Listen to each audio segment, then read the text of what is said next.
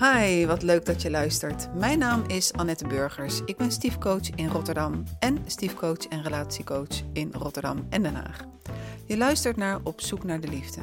In deze zesde serie interview ik ervaringsdeskundigen over hun samengestelde gezin. Vandaag spreek ik met Kim Lakke. Kim heeft twee gehandicapte zonen die 18 jaar oud zijn en niet meer thuis wonen. Hoe gaat het met Kim in haar nieuwe samengestelde gezin en wat is de invloed van haar zonen op haar relatie? Kim, van harte welkom. Hoi, goedemorgen. Leuk om uh, hier te zijn. Spannend ook, maar ook vooral heel erg leuk. Ja, we, voor de luisteraar, we zitten in Arnhem. Dus het is uh, voor mij een, uh, een uitstapje. En Kim en ik kennen elkaar nog niet. Nog niet goed in ieder geval. En Kim, ik begin altijd met de vraag: wat is op dit moment jouw relatiesituatie? Ik ben um, samenwonend met Ingrid. Ingrid is mijn liefdespartner. En ja, de relatie die wij hebben is um, ja, in een ontmoeting ontstaan op een opleiding. Oké, okay, en is, hoe jong of hoe oud is de relatie al? Nou, eigenlijk relatief heel erg jong nog, want we hebben elkaar nog maar een paar jaar geleden ontmoet. En we zijn er echt vol voor gegaan uh, sinds um, ja, december hebben we echt een jaar gezegd. Dus uh, je kent elkaar al een paar jaar en afgelopen december hebben jullie ja gezegd. Um, wat was dan het lastige om die ja tegen elkaar te zeggen? Nou, voor mij zat ook wel op de identiteitsverwarring, want ik zie mezelf eigenlijk als een vrouw met een man. En dan opeens, dan is mijn eigen identiteit dat ik ja, ook Kim kan zijn met een vrouw. En dat is ja, niet, niet een hele gemakkelijke reis. Het geeft heel veel verwarring en, en echt ga, naar binnen toe gaan om te reflecteren op... is dit dan de liefde zoals de liefdesrelatie voor mij is? Kan je iets vertellen over die reis? Ja, um, nou, het zal zij, het heeft echt te maken met uh, wie ben ik en hoe zie je jezelf en welk plaatje heb je voor jezelf bedacht. En um, in een relatiedynamiek met een man komt er toch echt iets anders omhoog. Er is. Um... Sorry, letterlijk en figuurlijk natuurlijk. ja, zeer letterlijk en figuurlijk. en dat maakt het ook heel erg makkelijk, omdat ik dan zelf uh, toch wel, nou ja, ik ken mezelf als een, als een, een vrouw die ook wel van echt van sensualiteit houdt. En met een man is dat voor mij heel natuurlijk en makkelijk. En nou ja, ik ben nu 43, ook wel echt jarenlange ervaring. En hier is het zo spannend, het is ontdekken. En um, met een vrouw is het een andere manier van verbinden, wat mij betreft. Ik zit meer op de, op de verbinding dan op de seksualiteit en intimiteit. Um, de intimiteit is per definitie natuurlijk, dat wel. Mm-hmm. Maar uh, kan je dan toch nog iets meer vertellen over je ontmoet elkaar op een gegeven moment? Uh, hoe is dat dan bij jou gegaan? Van, uh, van, oh, het is een vrouw, het is een aardige vrouw, het is een leuke vrouw. Totdat er meer gevoelens ontstonden. En ja, welke belemmeringen kwam je tegen? En hoe heb je die belemmeringen uiteindelijk geparkeerd? Ja, nou de belemmeringen die ik uh, tegenkwam, is dat ik erg in mijn hoofd ging zitten. En dat kan niet, mag niet. En wat is eigenlijk mijn systeem van herkomst? En wat vinden die ervan? Um, nou, ook wel, het was ook al in een periode dat er opeens veel homo-haat was. En ik identificeerde me helemaal niet met dat collectieve gevoel van de maatschappij. En ik denk, jeetje, hoor ik daar dan bij? En zo zie ik mezelf helemaal niet. Ik zie mezelf eerder als een persoon die op een mens valt, dan dat ik op een man of een vrouw val. En ja, jeetje, ik zag haar en ik, ik dacht ook haar te kennen van, van een andere opleiding, eerlijk gezegd. Dus ik kreeg hier heel enthousiast. En en ja, in die, ontmoet, in die opleiding ontmoet je een aantal keer elkaar natuurlijk. En uh, zegt ze, ja, wat is dat nou? Ik zeg, nou, we hebben een bottom-up relatie. En dat is dan vaktaal voor um, uh, traumaspecialisten. Waarbij je dan eigenlijk een ontmoeting hebt vanuit het lijf. Zonde, en dan moet je dan de cognitie nog maar gaan begrijpen. En een top-down relatie zou dan zijn vanuit, nou ja, ik begrijp helemaal waarom wij een setje kunnen zijn. En dan komt het lijf daarna nog wel. En dus eigenlijk niet het helemaal begrijpen, maar wel een verbinding te voelen. Nou, het is een slimme vrouw, ze heeft humor um, en ze houdt ook van spiritualiteit in de zin van dat ze gelooft dat er een ziel is. En ik denk, ja, dan hebben we wel 90% raakvlakken in wat we leuk vinden. En de vieren we de verschillen in die 10% wat echt anders is. En dan is het enige juiste antwoord natuurlijk: je bent zo mooi anders als ik. Mm En, uh, maar dan nog het stukje mm, van, van, los van wat je net zegt, van, maar wat, wat maakte dan dat je er op een gegeven moment, dat je toch op groen zijn kwam voor jezelf? Nou, daar moest ik echt wel wat lef voor, voor verzamelen. Omdat, ja, dat, dat um, ik zag haar en ik denk van, ja, mijn hele lijf die gaat aanstaan. En dan met die humor en die sprankeling en ja, dat voelde ik ook. En dat is een heel prettig gevoel. En nou ja, dan ga je toch ook een beetje wel naar je, naar je gedachtegang natuurlijk. En die gedachtegang is ook wel van ja, ze gaat echt heel fijn met mijn kinderen om. En daar voelt ze echt een ja op. En ja, mijn kinderen reageren ook heel goed op haar. En nou ja, nogmaals, we vinden heel veel dingen dezelfde dingen leuk. En we beleven graag de wereld in dezelfde vertraging, als het ware. En ja, dat, dat is wel echt een heel groot cadeau, een heel groot geschenk. Mhm. Maar heb je dan op een gegeven moment een besluit genomen van oké, ik ga ervoor? Of is het op een andere manier gegaan? Nee, het is wel echt, ik moest echt gewoon besluit nemen. Ja, dat was toch wel weer opnieuw in diezelfde opleiding. Dat is het laatste blok. En ehm, ja, toen dacht ik van ja, verdikke me. Ik, ik, het is ook de angst die eigenlijk blokkeert. En als dat waar zou zijn, dan moet ik toch wel het lef ontwikkelen om dan toch misschien haar gewoon een zoen te geven. en dat was echt een heel spannend moment. Want ik ben meer gewend dat een man mij zeg maar een zoen geeft. En nu zou ik dan vanuit een soort andere positie, ik dan de ander een zoen geven. En um, het is dan ook wel een dans van nou ja, leiding en leiding geven en leiding nemen. En dus dat is nieuw. Dus ik leer ook echt om mezelf in een stukje kennen, die identiteit van hé. Hey, dus ik wil ook wel, vind het ook wel leuk om die leiding dan te nemen. Terwijl ik mezelf daar in de overgave met een man minder goed in ken. En in de actieve benadering. Dus ja, dat is echt wel een besluit. Mhm. ja. En uh, hoe smaakte die, die eerste zoen dan? ja, zoet. zoet en zacht. Je hebt natuurlijk helemaal niet... Mijn man heeft natuurlijk aan baarden en, en, en het is zacht. Mhm. Het is echt heel fijn. Dus zoet en zacht en het smaakt in ieder geval naar meer. Ja, ja, ja. Dat zegt toch wel eens van een zoen die dan met nadruk vraagt uh, om een herdruk. een zoen is een afdruk die met nadruk vraagt om een herdruk. En dat was dit ook wel. Mhm. Ja. ja, mooi gezegd. Uh, jij, zei, jij noemde al net eventjes van, um, ze kan het heel goed vinden met, uh, met mijn kinderen. Uh, hoe ging dat in het begin? Van, nou ja, je zat in een opleiding, dus ik neem aan dat zij wel al wist dat je kinderen had. Uh, en dan, ja, dan ga je op een gegeven moment de kinderen voorstellen. En hoe is dat dan? Hoe is dat stukje verlopen? Jeetje, je moet ik echt even graven in mijn geheugen. Dat weet ik eerlijk gezegd niet helemaal meer. Maar ja, zij werkte zelf ook uh, als um, in het veld met cliënten. Dus zij begrijpt ergens ook wel uh, de autisme of de verstandelijke beperking. En de epilepsie was er geloof ik nog niet helemaal bekend mee. Maar ja, haar, haar hart staat open voor een ontmoeting met een ander mens. En dat is denk ik ook de kracht waarin zij met Sven en Luc, mijn kinderen, omgaat. Is dat zij ziet een mens mhm. in de heelheid. En, nou ja, en alles wat ze niet kunnen of wat ze wel kunnen, ja, daar, daar lacht ze gewoon met heel veel vrolijkheid en positiviteit om. En Eventjes voor de duidelijkheid, van jouw kinderen zijn gehandicapt. Kan je iets over hun handicap vertellen? Ja, ja, dat is inderdaad wel handig om dat te weten. Ja, Sven en Luc zitten in een lijf van 18, tweeling. En um, nou, ze hebben alle twee een vorm van autisme, uh, verstandelijke beperking, overbewegelijke gewrichten. Um, en daarin ook een vorm van epilepsie die levensbedreigend is. Dus dat is best wel een, uh, ook een, een iets waar een nieuwe partner echt van binnen een reis moet maken om daar echt ja op te zeggen. Want misschien dat je niet in de tijd zoveel met elkaar door zal brengen, letterlijk. Omdat je nou, niet in één huis woont. Of, um, maar je maakt natuurlijk wel mij als mens mee met de, nou ja, soms wel echt diepe rouwprocessen. Die het hebben van een ja, kind die anders is, uh, met zich mee kan brengen. Mm -hmm. um, kan je het uitleggen? Rouw met betrekking tot kinderen die nog leven?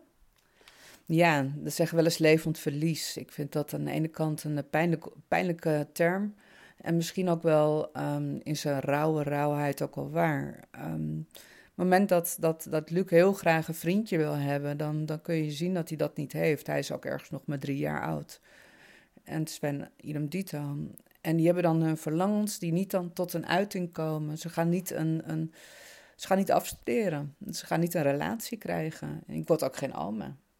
En dat zijn toch elke keer hè, de momenten dat je andere kindjes in het speeltuin ziet spelen. En ja, dan in de, in de onmogelijkheid van het samen kunnen spelen. En dan word je toch wel in het dagelijks leven vaak mee uh, geconfronteerd. Mm-hmm.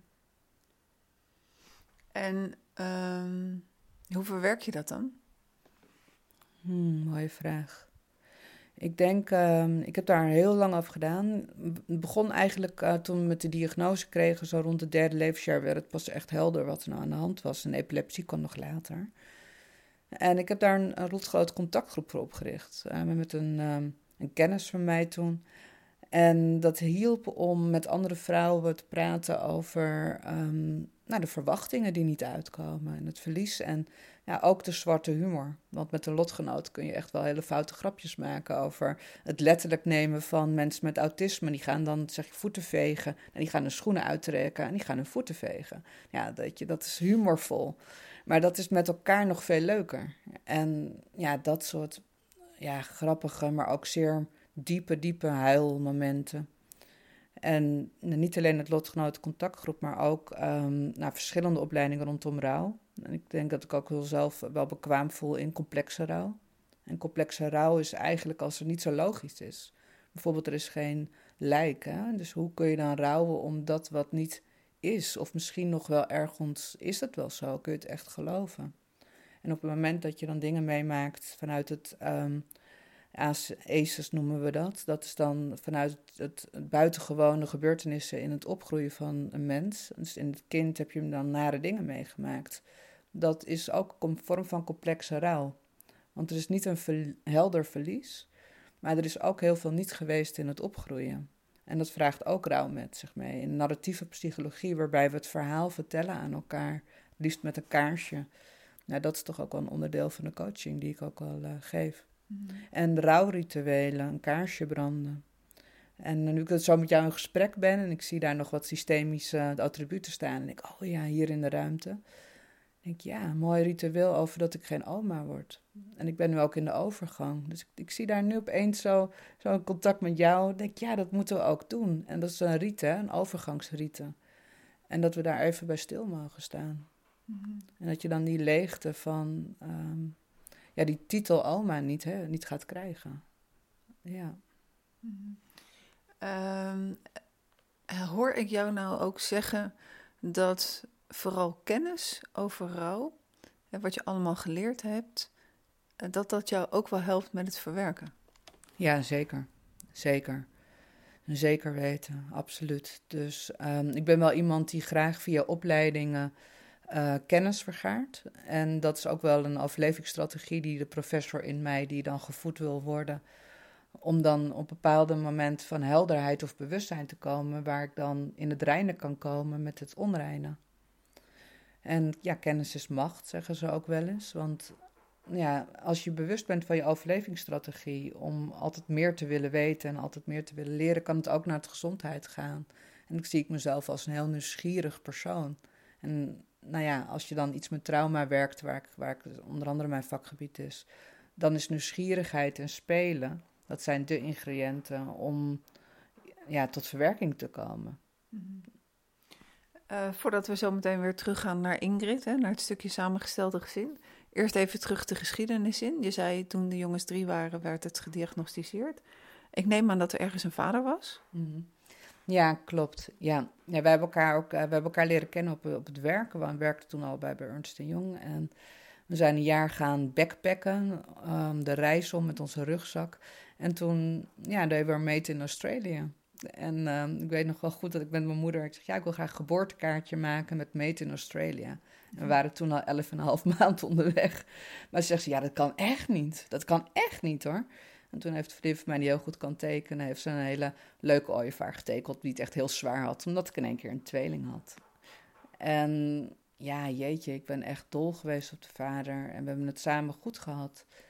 Maar wat ik merkte is dat wij elkaar verschilden in de behoefte aan rouw. Ik had behoefte aan te huilen en, en te delen daarin. En nou ja, hij ging nog harder werken en nog meer in zijn carrière uh, gericht kijken. En ja, daarin verschilden van behoeften van elkaar.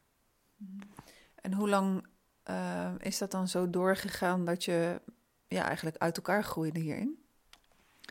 Nou, ik denk dat het echt uit elkaar gaan wel een proces is geweest van een paar jaar lang. Het is ook het aangaan, andere dingen proberen. We hebben ook best wel veel uitgeprobeerd. Ook um, zelfs in een soort van open relatie hebben we geprobeerd. En daarin uh, toch echt wel zeggen, ja, maar wij zijn samen, maar we kiezen er ook voor om met anderen uh, te kunnen zijn. En ook dat heeft niet gewerkt. En dat we hele diepe processen met veel jaloezie en nou, alles wat erbij komt kijken als je elkaar in die zin heel veel vrijheid geeft. En dan moet je ook de verantwoordelijkheid kunnen dragen van die vrijheid en in verbinding te kunnen zijn met de ander. En dat vraagt zo ontzettend veel reflectievermogen. En als ik terugkijk naar mezelf, dan had ik dat misschien nog niet in het volle bewustzijn wat ik nu, nou, toch al tien jaar opleidingen, uh, wel heb vergaard. En, en, en voor partner ook niet. Dus je hebt ook voor elkaar te zorgen in die ongemakkelijkheid die de openheid van een relatie met zich mee kan brengen. En uh, wie heeft uiteindelijk besloten van dit werkt niet, we kiezen een ander pad? Ja, dat ben ik toch wel de schuldige. Als je het zo zou willen zeggen, als je dan zou vragen over het drama van wie is dan de, hè, wie heeft het dan per ongeluk fout gedaan, zou je kunnen zeggen. Nou ja, je kan het ook anders zeggen, wie heeft dan uiteindelijk het lef gehad om uh, de stoute schoenen aan te doen? Ja, ja. Nou ja, wat Wiebe, eh, een van de opleiders, uh, ooit zegt, ja, wie is er als eerste weggegaan? En het hoeft niet altijd de partner te zijn die het uitmaakt. En ik denk dat we elkaar niet meer konden vinden. Je kan, we gaan het ook wel hebben over ontrouw. En als je elkaar, je kan op ontrouw ook met je werk vreemd gaan. En hij heeft die weg gekozen. En ik heb alle respect voor zijn weg. Echt. Dat, en hij, ik, hij is ontzettend goed in zijn werk. Dus, dus dat is echt voor hem heel fijn. Maar ik wilde wat anders. Mhm. En eigenlijk zou je kunnen zeggen, wie is er dan als eerste weggegaan? Ik denk, nou, misschien hij. Maar ik ben echt weggegaan. Mhm. En hoe oud waren de kinderen toen? Volgens mij vijf, tussen de vijf en zes jaar ongeveer. Mhm. Dus jullie zaten nog ook in, in de verwerking van de diagnose toen ze drie waren. Uh, ja, hoe is dat stukje dan gegaan van het vertellen aan de kinderen, die er misschien helemaal niks van begrepen, en uh, de organisatie erna? Want hoe doe je dat dan? Toen waren ze nog wel thuis, neem ik aan. Ja. Ja, ja, zeker. Ja, we zijn eigenlijk nog maar net op zichzelf gaan wonen, zou je kunnen zeggen. Uh, in een instelling waar ik heel tevreden over ben. En um, ja, ik zit te kijken, want ik had toen nog niet die opleiding zoals, zoals, gedaan, zoals we elkaar uh, nu leren kennen. En ik geloof dat het meer iets van, ja, papa gaat nu ergens anders wonen. En ik geloof dat er niet heel veel meer gecommuniceerd is als toen. Met de kennis van nu zou ik dat, zoals we nu dan overal rituelen van maken. Hè? We gaan verhuizen, dus dat betekent ook tas inpakken en op jezelf wonen. En daar komt veel meer bewustzijn en een dialoog tot het verbale vermogen van een twee, driejarige met autisme natuurlijk, die een andere verwerking heeft. En ik, wat ik nu vaak doe, uh, ook met als bijvoorbeeld naar, naar het ziekenhuisopname of iets dergelijks moeten doen, dan speel ik dat uit met Playmobil poppetjes. Dat is een andere methodiek waar ik ook mee werk. Dat noemen we dan verlies in beeld. Dan breng je eigenlijk in beeld wat het verlies is. En dan heb je dan een Playmobil poppetje, dan een dokter en een ziekenhuisbed. En dan ga je het zo uitleggen. Ik denk dat ik dat nu zeker weten op die manier had gedaan. En ik raad dat ook echt aan met ouders om het uit te beelden. En het spelenderwijs, als het ware, ook uh, zichtbaar te maken. Zodat het kindje ook het popje kan pakken. En daarin de hulpbronnen ook zichtbaar maken. Van, goh, wat helpt jou nou zo? Dat ene knuffeldier of, of een boek lezen. Of wat vind je ook fijn om te doen? Zodat het duale procesmodel waarbij de rouw en eigenlijk de aangekondigde rouw, zou je kunnen zeggen ook van belang is. Ja, het doet pijn, dus er moet en mag ruimte zijn voor elke emotie, voor boos, verdriet. En Sven en Luc laten behoorlijk wat boos zien. Dat is hun manier van uiten van het lijden van pijn. En dat dat er mag zijn. Het welkom heten van die emoties is belangrijk. En het zichtbaar maken wat zo pijn doet, maar ook de hulpbronnen. Mhm. Dus wat helpt jou nou zo bij boos? Ja, nou dan heeft Luc bijvoorbeeld een, een, een knuffel van Rat. Nou, Rat die kan even mee helpen stampen. Gaan we samen stampen. En ik denk dat dat voor kindjes, um, dat allebei tegelijk. Dus en de pijn en de hulpbron. Zodat je um, nou, langzaamaan kan wennen om die tolerantievermogen van het dragen van een ongemakkelijk gevoel wordt vergroot. -hmm. En hoe was voor jou de pijn van het uit elkaar gaan? Hoe hoe heb je dat zelf toen gehandeld? Ah, goede vraag. Ik weet nog wel dat ik uh, ging paardrijden, ik had nog mijn paard nog. En iemand die zei tegen mij, ja, maar je huilt helemaal niet, je lijkt wel een ijskonijn. Nou, met de vrouw die ik nu ben, met al die opleidingen verder, uh, is het ook echt wel een heel groot verschil. Ja. En ik was toen nog zo behoorlijk een hoofdvrouw, zou je kunnen zeggen. En ik ben echt wel veranderd naar ook een hoofdhartenvrouw, zou je kunnen benoemen. Maar ik, ik geloof dat het echt als een soort van overlevingsstrategie van... ja, maar het is logisch dat we uit elkaar gaan. En dan een hele opsomming van wat daarachter dan aan kon komen. En ja, dus ik denk dat ik het niet helemaal in een soort bewust proces heb um, beleefd. Mm-hmm. En uiteindelijk, hoe hebben jullie omgangsregeling voor elkaar gekregen? Nou, daarin zijn we eigenlijk overeengekomen toen op een vrij makkelijke manier. Want ja, we hadden een gezamenlijk huis. Dat moest, uh, daar ging hij dan uiteindelijk dan in wonen. Um, en ik ging een huis kopen. En als je dan toch de zaken financieel moet regelen met een nieuw huis kopen en, het, uh, de, ver, en de hypotheek afronden van het oude huis, kon je eigenlijk heel erg gemakkelijk in gesprek over van nou, welke dagen heb jij de kinderen, wat komt uit met werk. En ja, dat zijn we eigenlijk wel heel op een mooie manier um, uitgekomen tot allebei wel een win-win situatie. Mm-hmm. En hoe was de verdeling met de op, opvoeding en de tijd met de kinderen dan? Was dat ook 50-50 co-ouderschap?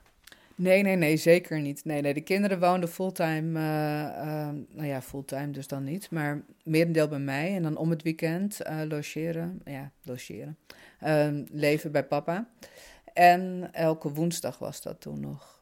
En nou, toen bleek met de nieuwe relatie dat die woensdag niet meer zo ging werken.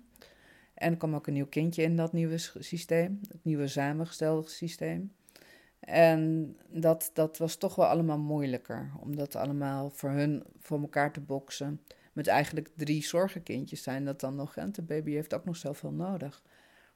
En dat is wel uh, gegaan naar om het weekend en ook niet meer altijd met de feestdagen. Dat konden ze eigenlijk ook niet um, ja, voor elkaar boksen, want ik had thuis de begeleiders. En dan wordt het een stuk makkelijker natuurlijk om voor je kinderen te zorgen.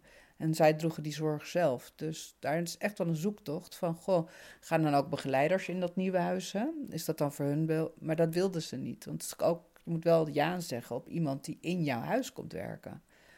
Dus dat is echt eigenlijk wel organisch gegaan, zou je kunnen zeggen. Van elke keer van, goh, wat kan niet meer? Mm-hmm. En voor mij was het dan ook wel van, oeh, de teleurstelling. En ook de teleurstelling van Sven en Luc natuurlijk. Ja. En ik als hun moeder. Ja, want ik wil net uh, wilde vragen van wat is het effect geweest van, van dit proces op de relatie die jij en, en je ex-man hadden als ouders? Nou, ik denk dat uh, verwachtingsmanagement, um, even zakelijk gezegd, um, wel met veel teleurstellingen en het niet nakomen van afspraken, um, wel heel veel, heeft gevraagd van, goh, wat maakt dan dat het niet lukt? Of wat maakt dat het niet kan? En, en dan is het met zorgenkindjes, dan is het, moet ook realiseren dat je de zorg ook echt wel aan moet kunnen. Want het is ook een, ze hebben een ziekte wat gaat over leven en dood. Dus kun je leven met die spanning als de dood altijd in de kamer is. Ze kunnen al verleiden. En dat is ook meerdere keren ook aan de hand geweest. Is dat ze aan de beademing hebben gelegen. Dus dat moet je kunnen verduren, die angst. En nou, als je ook fulltime werkt en ook nog een nieuwe vrouw. En een, weet je, ik heb altijd wel begrip gehad in de keuzes waarbij, waarom het niet meer kon. En het doet pijn. Mm. Alle twee. En hoe is nu jullie relatie? Nou, de, we hebben nu eigenlijk minder contact, of eigenlijk bijna niet contact. Hij kan ook de kinderen bezoeken wanneer hij dat wil. En ik um, ja, ik ben daar wat actiever in. Ze komen daar bijvoorbeeld niet meer bij hem thuis. Dus als hij ze wil zien, dan gaat hij naar de kinderen bij hun nieuwe woning toe. Mhm. En dat is eigenlijk ook de laatste jaren ook wel zo geweest. Toen kwam hij naar het huis waar Sven en Luc woonden. En dat ging eigenlijk wel goed. Mhm. Wat op welke leeftijd zijn ze uit huis gegaan?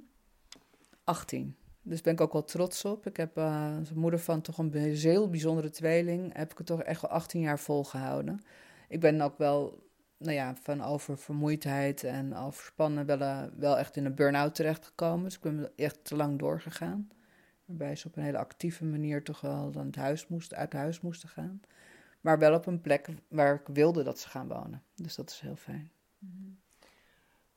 Uh, uh, het voelt als een, als een uh, rottige vraag om te stellen. Maar ik ga hem toch stellen. Als, als je hem niet wil beantwoorden, moet je het zeggen. Ja, wat ga, waar ga je dan doorheen als je ze uiteindelijk eh, naar een huis brengt? Weet je, uit, ehm, kinderen die het huis uitvliegen geven altijd zeker bij moeders een uh, leeg nest syndroom. En het is lastig om je kind los te laten. Maar ik kan me, ik kan me er eigenlijk niks bij voorstellen. Ik kan, me, ik kan zeggen, ik, ik kan me er iets bij voorstellen. Maar hoe was dit in jouw geval? Nou, dat is groot. Het is echt heel groot. Het is ook. Um, het is dan ook weer de hulpbron van het trots kunnen zijn dat je het 18 jaar hebt volgehouden. En ook voelen stapsgewijs van hoe is dat nu? Want mensen zeggen, ja, maar het is ook wel geeft veel vrijheid en zo.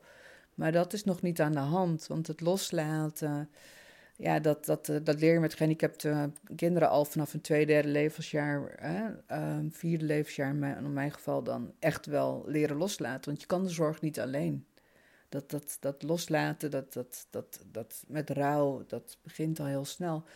En nu kan ik wel met het, uh, coronacrisis die in deze tijd uh, nog speelde, is het loslaten 2.0. Want en uiteindelijk zelfs 3.0, loslaten 3.0. En dat wil ik wel toelichten, want Svenny had een aanval en dan moet hij naar het ziekenhuis toe. Maar dan ligt hij op de eerste hulp en dan kan hij dus sterven. Dus op het moment dat je dan eh, naar loslaten 2.0 bent gegaan, staat 3.0 keihard op de deur te bonzen. Van ja, leer het nu nog maar in de derde overtreffelijke trap.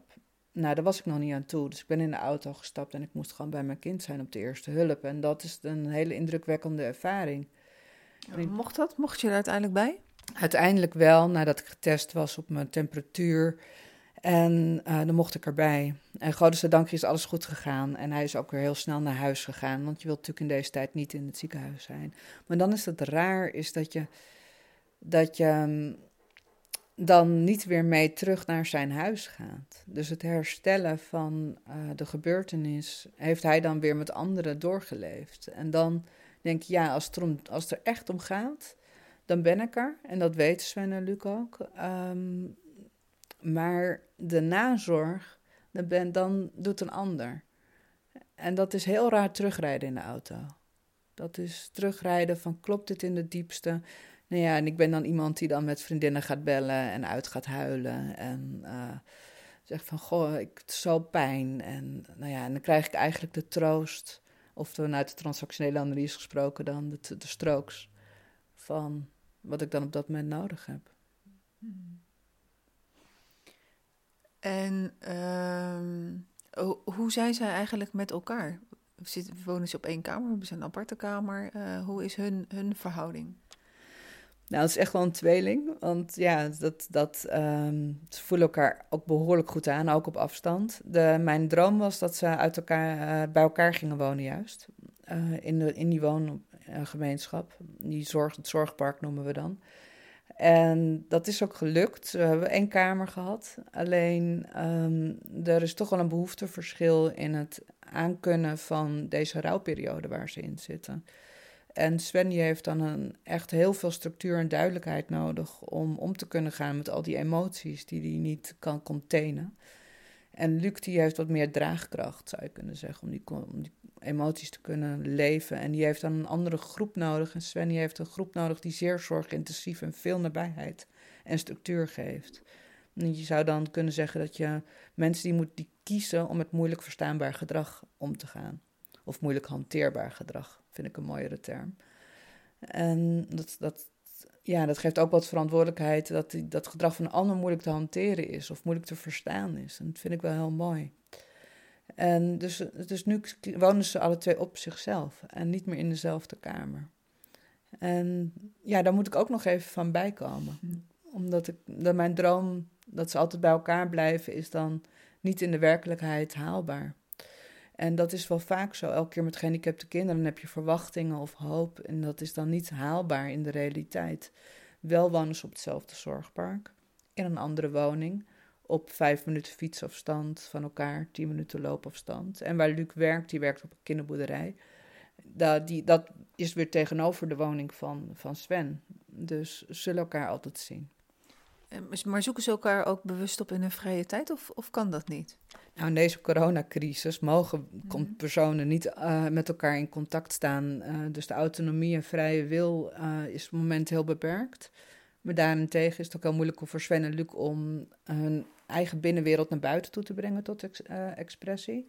Waarbij ze nu, dus het is allemaal gereguleerd en uh, gecontained via de begeleiders. En begeleiders die maken dan bijvoorbeeld met bijvoorbeeld het Picto-systeem. Dat zijn plaatjes waarbij je dan de dagstructurering kan aangeven hoe de dag eruit ziet.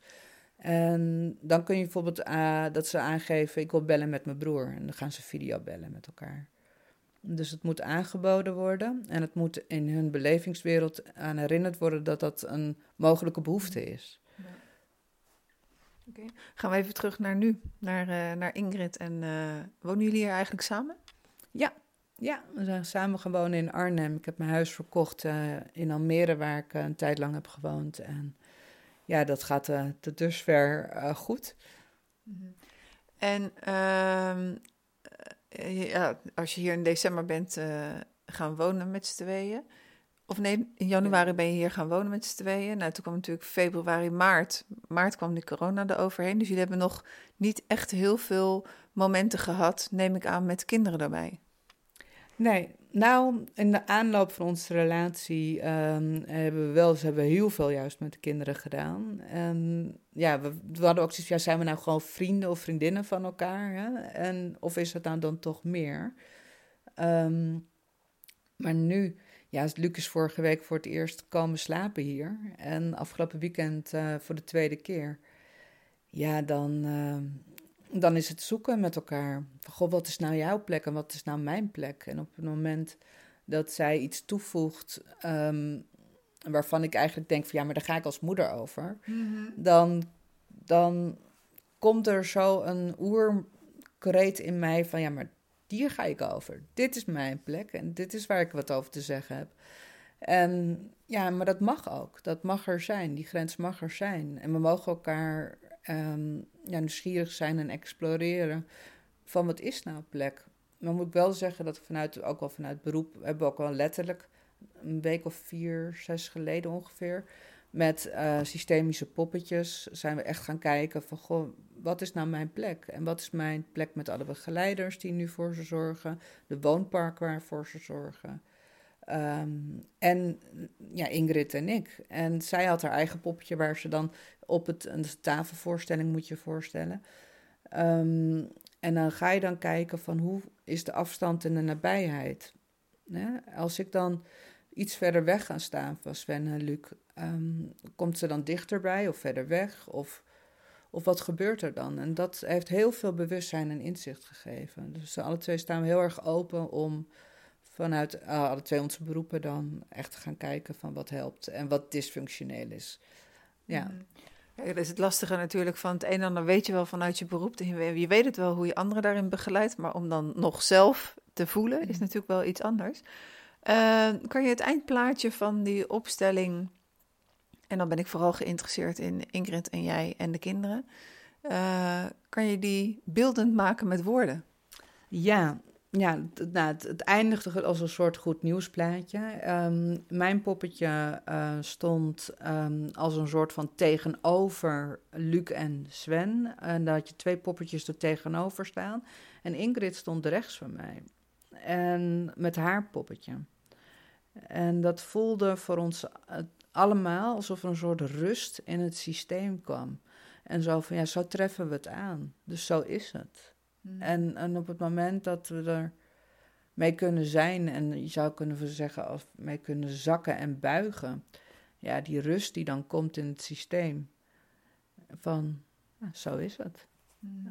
Dus ik, ik hoor je zeggen, we stonden naast elkaar, schouder aan schouder. En, en de kinderen, die stonden tegenover ons. Ja. En waar keken de kinderen naartoe? Nou, dat was wel uh, leuk. Luc die, die had ook echt wel richting naar mij toe. Maar ook wel um, naar de nieuwe begeleiders. Uh, die dan een beetje ook zo ervoor stonden. En um, ja, Svenny was wat meer ook naar buiten gericht. Ja, maar ook, ook naar mij toe. Dus echt nog wel heel erg op mij gericht. En dat, dat, dat is logisch. Ze zijn 18, maar ook nog maar drie. Mm. Oké, dankjewel. Ik ga hem afronden. Uh, is dat oké voor jou? Of is er nog iets wat je zegt van... dit wil ik ook nog even heel snel kwijt? Jeetje. Um, nou, ik denk dat als je een samengesteld gezin hebt met gezonde kinderen... dan heb je zo je uitdaging. En als je een samengesteld gezin hebt met gezonde kinderen... en gehandicapte kinderen... Is, heeft dat, dat heb ik ook gehad voor een relatie met Ingrid. En dat is ook een uitdaging. Um, ja, en dan, dat, dat vraagt wel heel veel bewustzijn. Dus dat zou ik wel echt wel mensen willen meegeven van ga het aan. En uh, ja. En wees je bewust van wat je voelt. Dat vooral, ja. ja. Dankjewel Kim, hartstikke bedankt. Je luisterde naar het verhaal van Kim. Wil je reageren op dit verhaal? Stuur me dan een mailtje naar annette.stiefgoed.nl of laat een recensie achter op Soundcloud. Wil jij ook je verhaal vertellen? Mail dan ook naar annette.stiefgoed.nl. Met dankjewel aan Kim, een heel groot dankjewel. En ook een dankjewel aan jou dat je hebt geluisterd. Ik hoop tot over twee weken bij de volgende podcast. Tot ziens.